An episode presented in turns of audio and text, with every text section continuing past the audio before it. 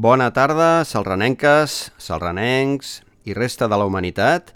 Som a Ràdio Salrà, el meu nom és Albert Rabassó i això és Música Eclèctica.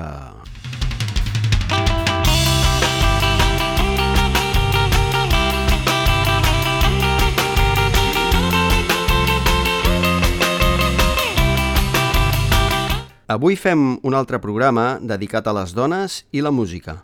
Si en un programa anterior ja vam veure que als anys 70 les dones van començar a revelar-se no només com a intèrprets, sinó com a grans compositores i músics, la irrupció del punk l'any 1977 suposa una sacsejada en tota regla i en un obrir i tancar d'ulls provoca el naixement d'una altra manera d'entendre i viure la música. Obre un gran ventall de possibilitats, estils, visions i actituds. Per a les dones és un abans i uns després. Passen a ser protagonistes i a ser tractades iguals que els homes. Molts grups estan integrats per dones i homes, on no importa qui canta o toca qualsevol dels instruments. Farem un repàs d'algunes d'aquestes artistes i la seva música dels darrers anys de la dècada dels 70 i les primeres de la dels 80, en els estils del que s'anomena el post-punk i la new wave. Començarem amb una artista a qui ja hem escoltat al programa. Es tracta de Deborah Harry i el seu grup Blondie. Ja havien començat abans del punk, però va ser amb el seu àlbum Parallel Lines de 1978 que van ser reconeguts mundialment. Amb un pop fàcil, barrejat amb guitarres punk rock, synth pop i fins i tot música disco, però mantenint una actitud rebel, de l'LP van extreure sis senzills. Quatre d'ells molt exitosos, sobretot Heart of Glass, cançó que els transporta de la pista del CBGB a la de Estudio 54, i el que va tenir menys èxit comercial, però que amb el temps ha sigut reconegut, és aquest One Way or Another, Blondie.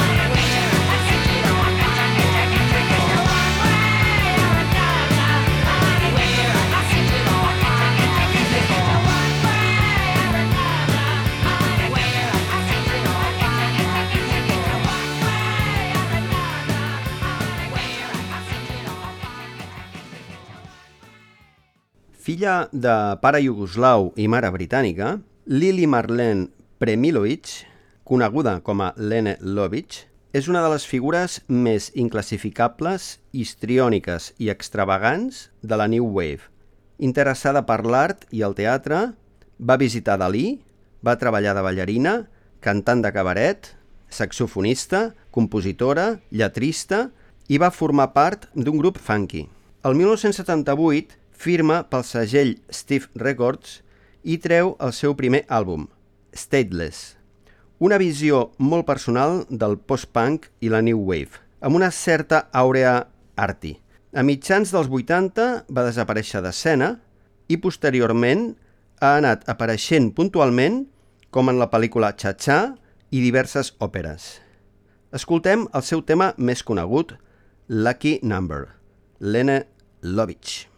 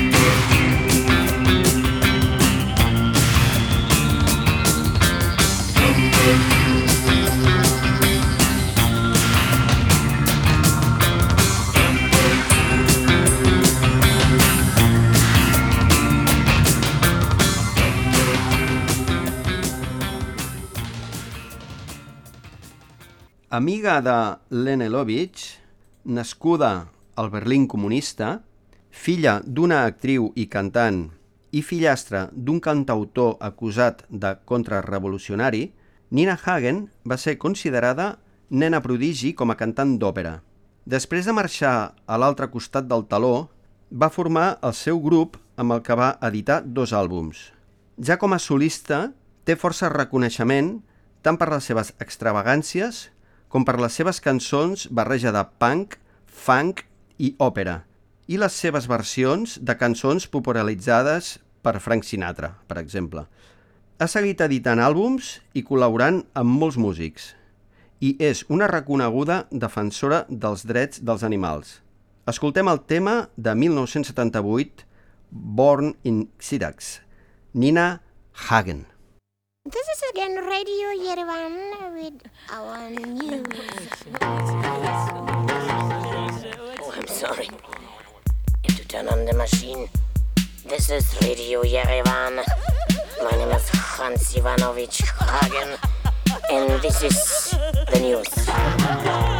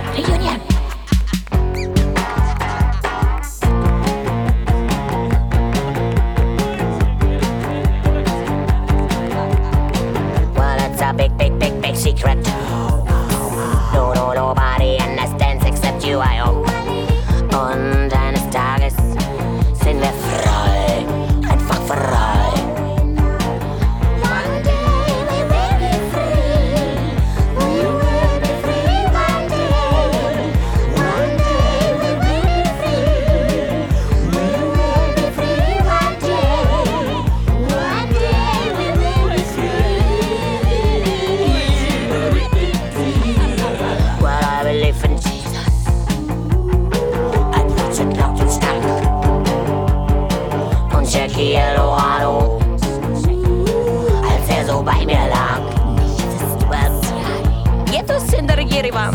Get on news. It's gonna be a big disaster. It's gonna be World War number three. It's gonna be a war or something. I know it now already. I know it now already.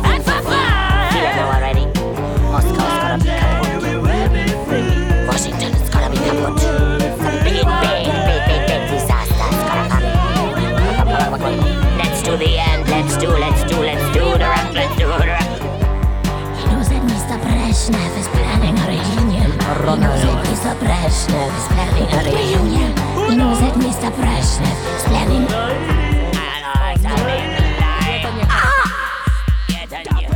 I wonder if I could make soup. Очень плохо. Нет, нет. Hagués pogut parlar d'ella en el programa dedicat a les dones músics de mitjans anys 70, però ho faré ara. Parlo de la poetessa del rock, potser la dona més influent en tant al pre-punk com en el post-punk. És la Patti Smith. Va tenir una infància infeliç, filla de testimonis de Jehovà, amb enfermetats infantils, expulsada del college per quedar embarassada, va haver de donar la criatura en adopció. Va començar a treballar en una fàbrica per estalviar i mudar-se a Nova York. Allà comença a escriure poesia i música i coneix el fotògraf Robert Mapplethorpe. Amb Lenny Kay comença a improvisar cançons mentre ell tortura la guitarra. El seu primer disc, Horses, del 75, és considerat un dels precursors del punk. En els tres següents, del 76, 78 i 79, reflexen l'evolució de la música en aquests pocs anys cap a nous sons. Va desaparèixer de l'escena i va tornar el 1996 editant llibres i música. Continua en actiu, geni i figura. Escoltem el tema Dancing Barefoot, del disc Wave de 1978. Patti Smith. His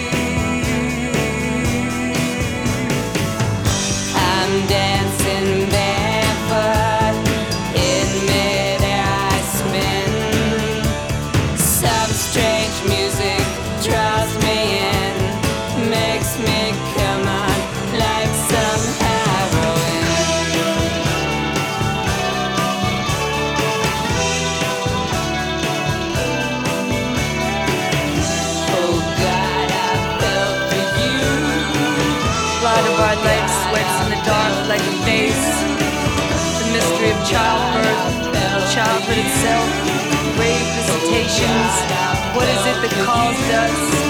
Why must we pray screaming? Why must not death be redefined? We shut our eyes, we stretch out our arms and whirl on a pane of glass. An asphyxiation, a fix on anything. The line of life, the limb of tree, the hands of he, and the promise that she is blessed among women.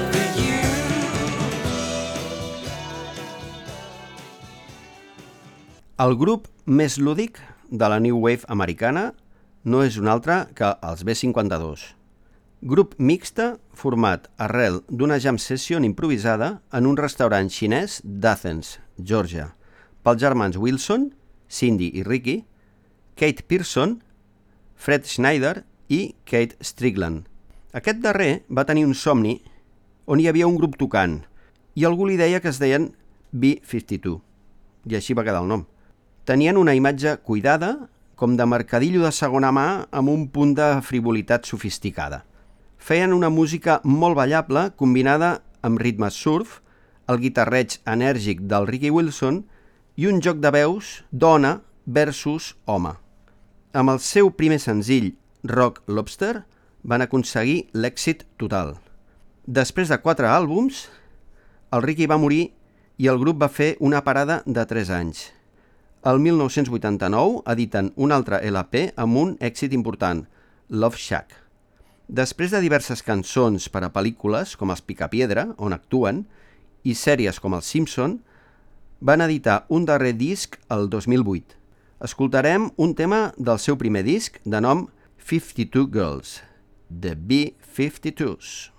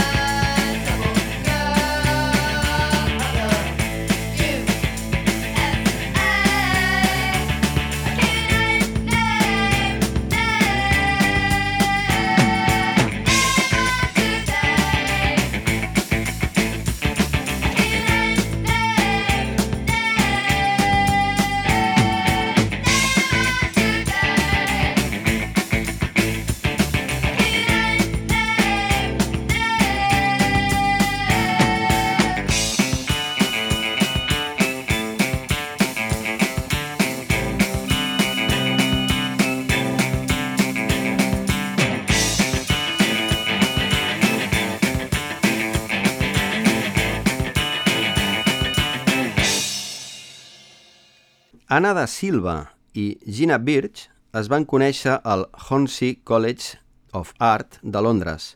Amb l'explosió del punk van decidir formar un grup, després d'assistir a un concert del grup femení The Slits. Es van anomenar The Raincoats. Un any més tard es van convertir en grup exclusivament femení fitxant la violinista Vicky Espinal i la bateria de les Slits, Palmolive, nascuda a Melilla i criada a Màlaga, d'on va fugir a Londres als 17 anys, on es va fer squatter i nòvia de Joe Strummer, el que seria líder dels Clash. Amb el primer disc, amb el mateix nom de la banda, ja es van desviar dels inicis punk cap a una música poc comercial, experimental i original. Fans reconeguts del grup són Kim Gordon, de Sonic Youth, i el desaparegut Kurt Cobain. Us proposo escoltar aquesta estupenda versió del Lola dels Kings, inclosa en el seu primer treball, The Raincoats.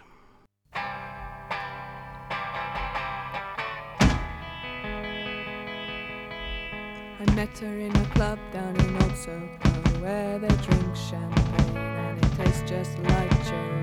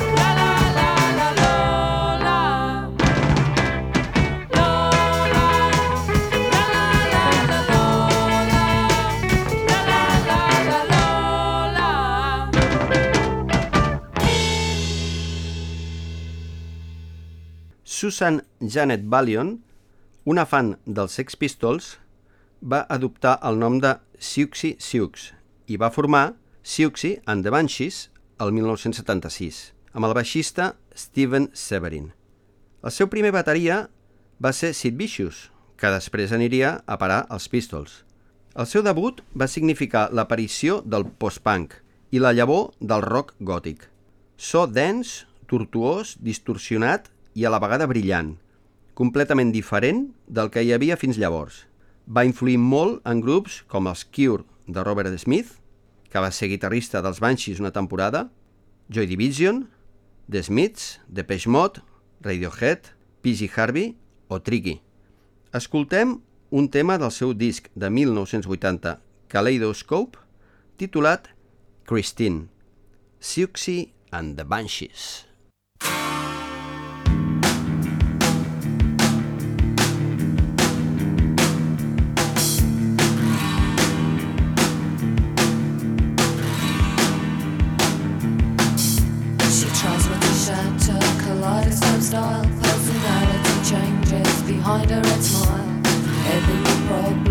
Stranger inside. Hopelessly forcing one new disguise.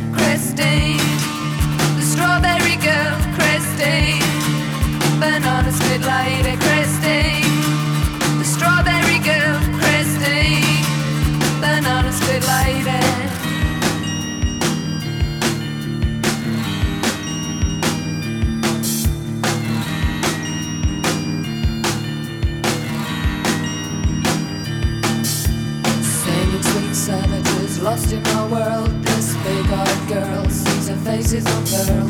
Now she's in purple, now she's a turtle.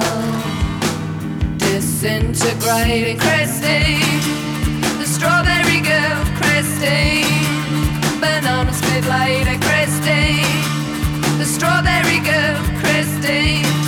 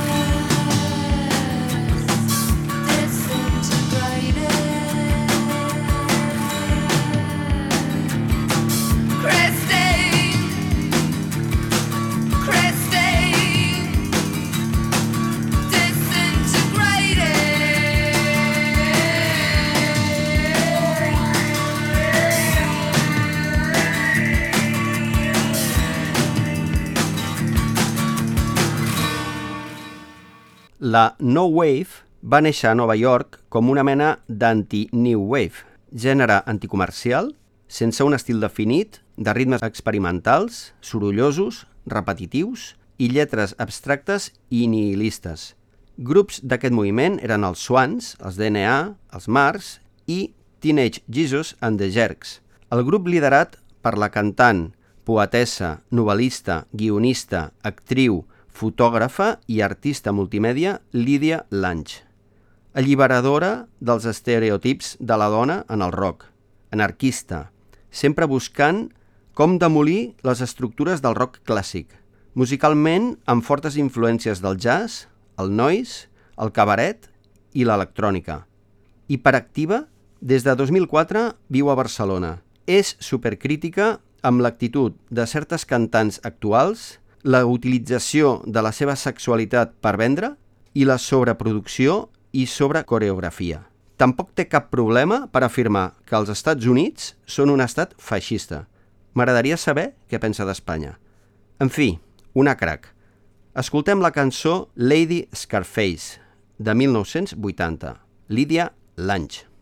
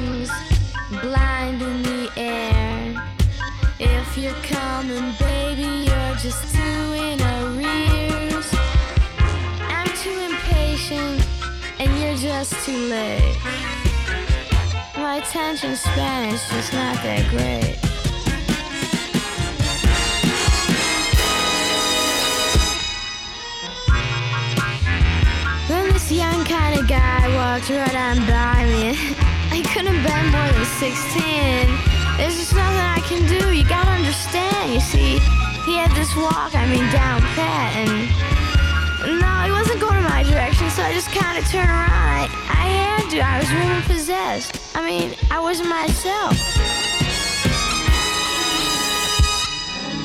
I was so close. I crept like a cat. Visions of seduction lurking under my hat. He was so young, such innocence. If I had control, I didn't feel any yet. Couldn't be heard. Not a sound did I make. If this is the real thing, there's just no need to fake. So now is the time, the crucial eighth mile. If I had to do it, it'd be with a smile, a tap on his back, a slip of my belt.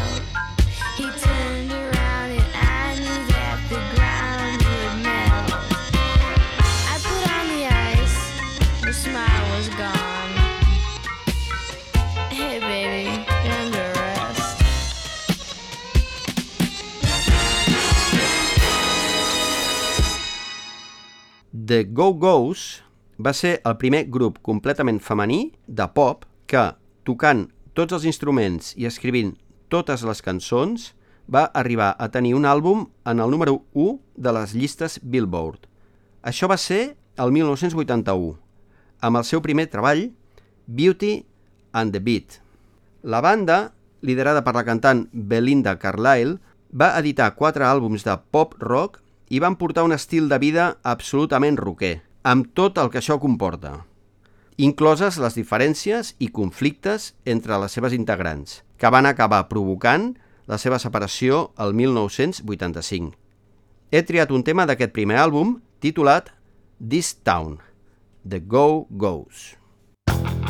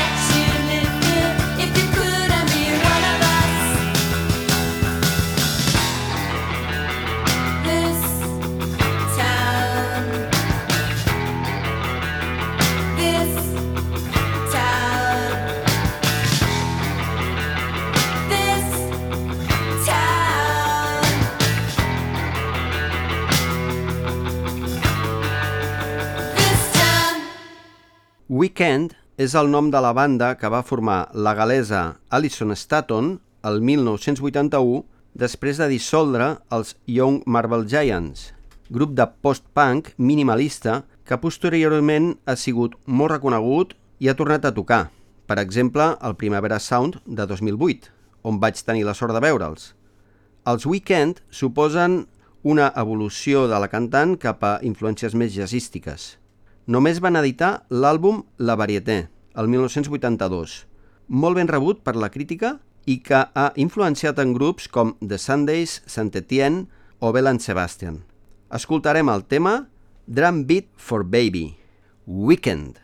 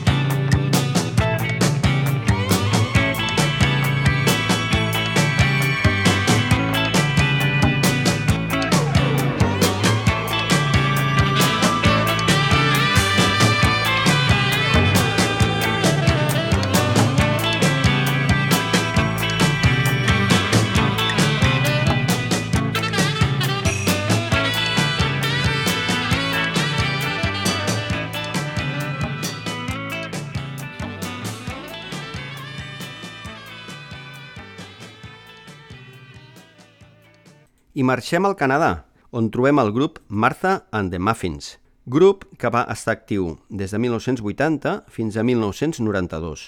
Al grup hi havia dues Marthas, Martha Johnson i Martha Ladley. Totes dues cantaven, tocaven els teclats i composaven juntament amb el guitarra Mark Gain.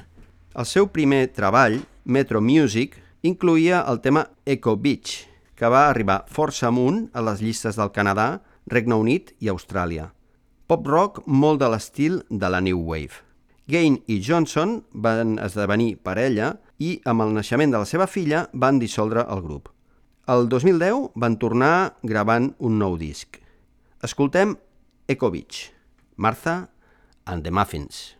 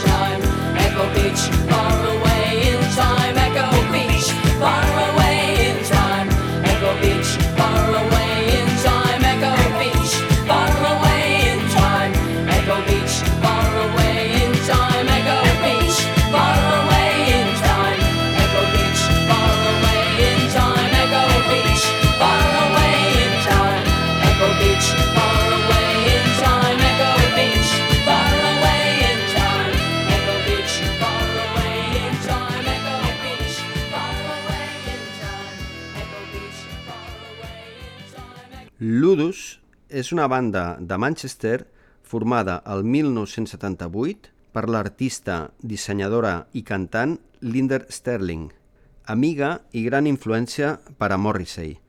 Van editar dos àlbums i varis EPs entre 1980 i 1983 d'un so post-punk abstracte amb molta influència del jazz, de la improvisació i la música avant-garde. Els seus discos van ser reeditats i recopilats a principis dels 2000. Escoltarem un tema del seu primer àlbum, The Seduction, titulat Mirror Mirror. Ludus. I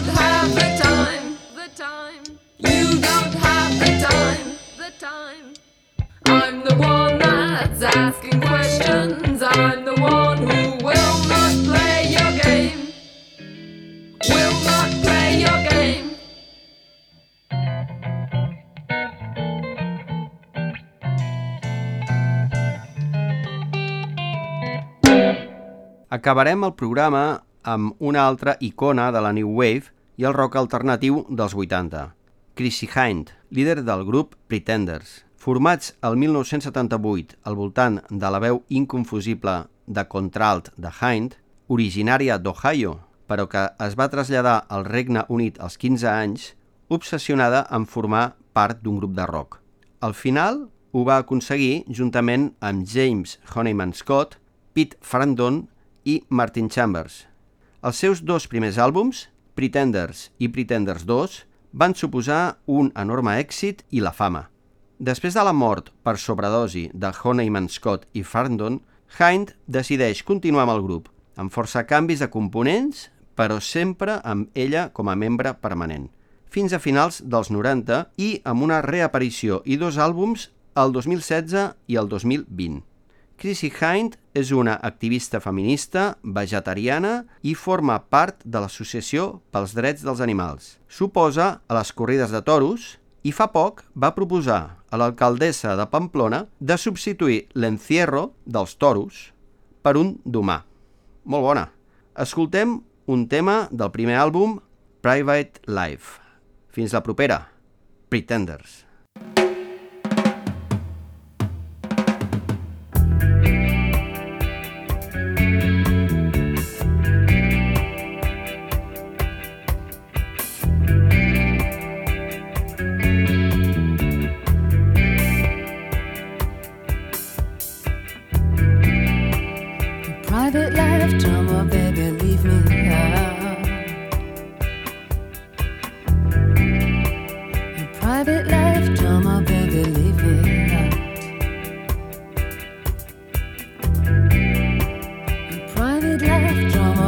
baby, leave me out.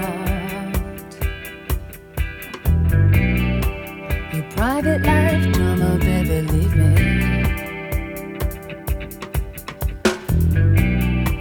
Jelly glond with your theatrics, your acting's a drag. It's okay on TV cause you can turn it off, but don't try me. Your marriage is a tragedy, but it's not my concern. I'm very superficial, I hate anything official. Private life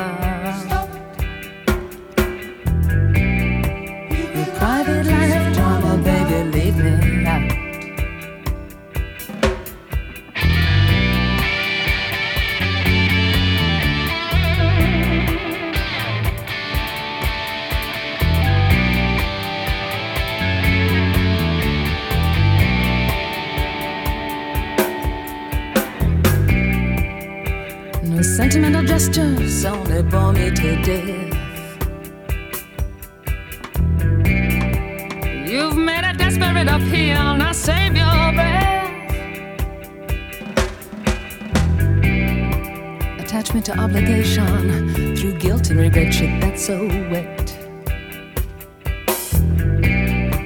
And your sex life complications are not my fascinations.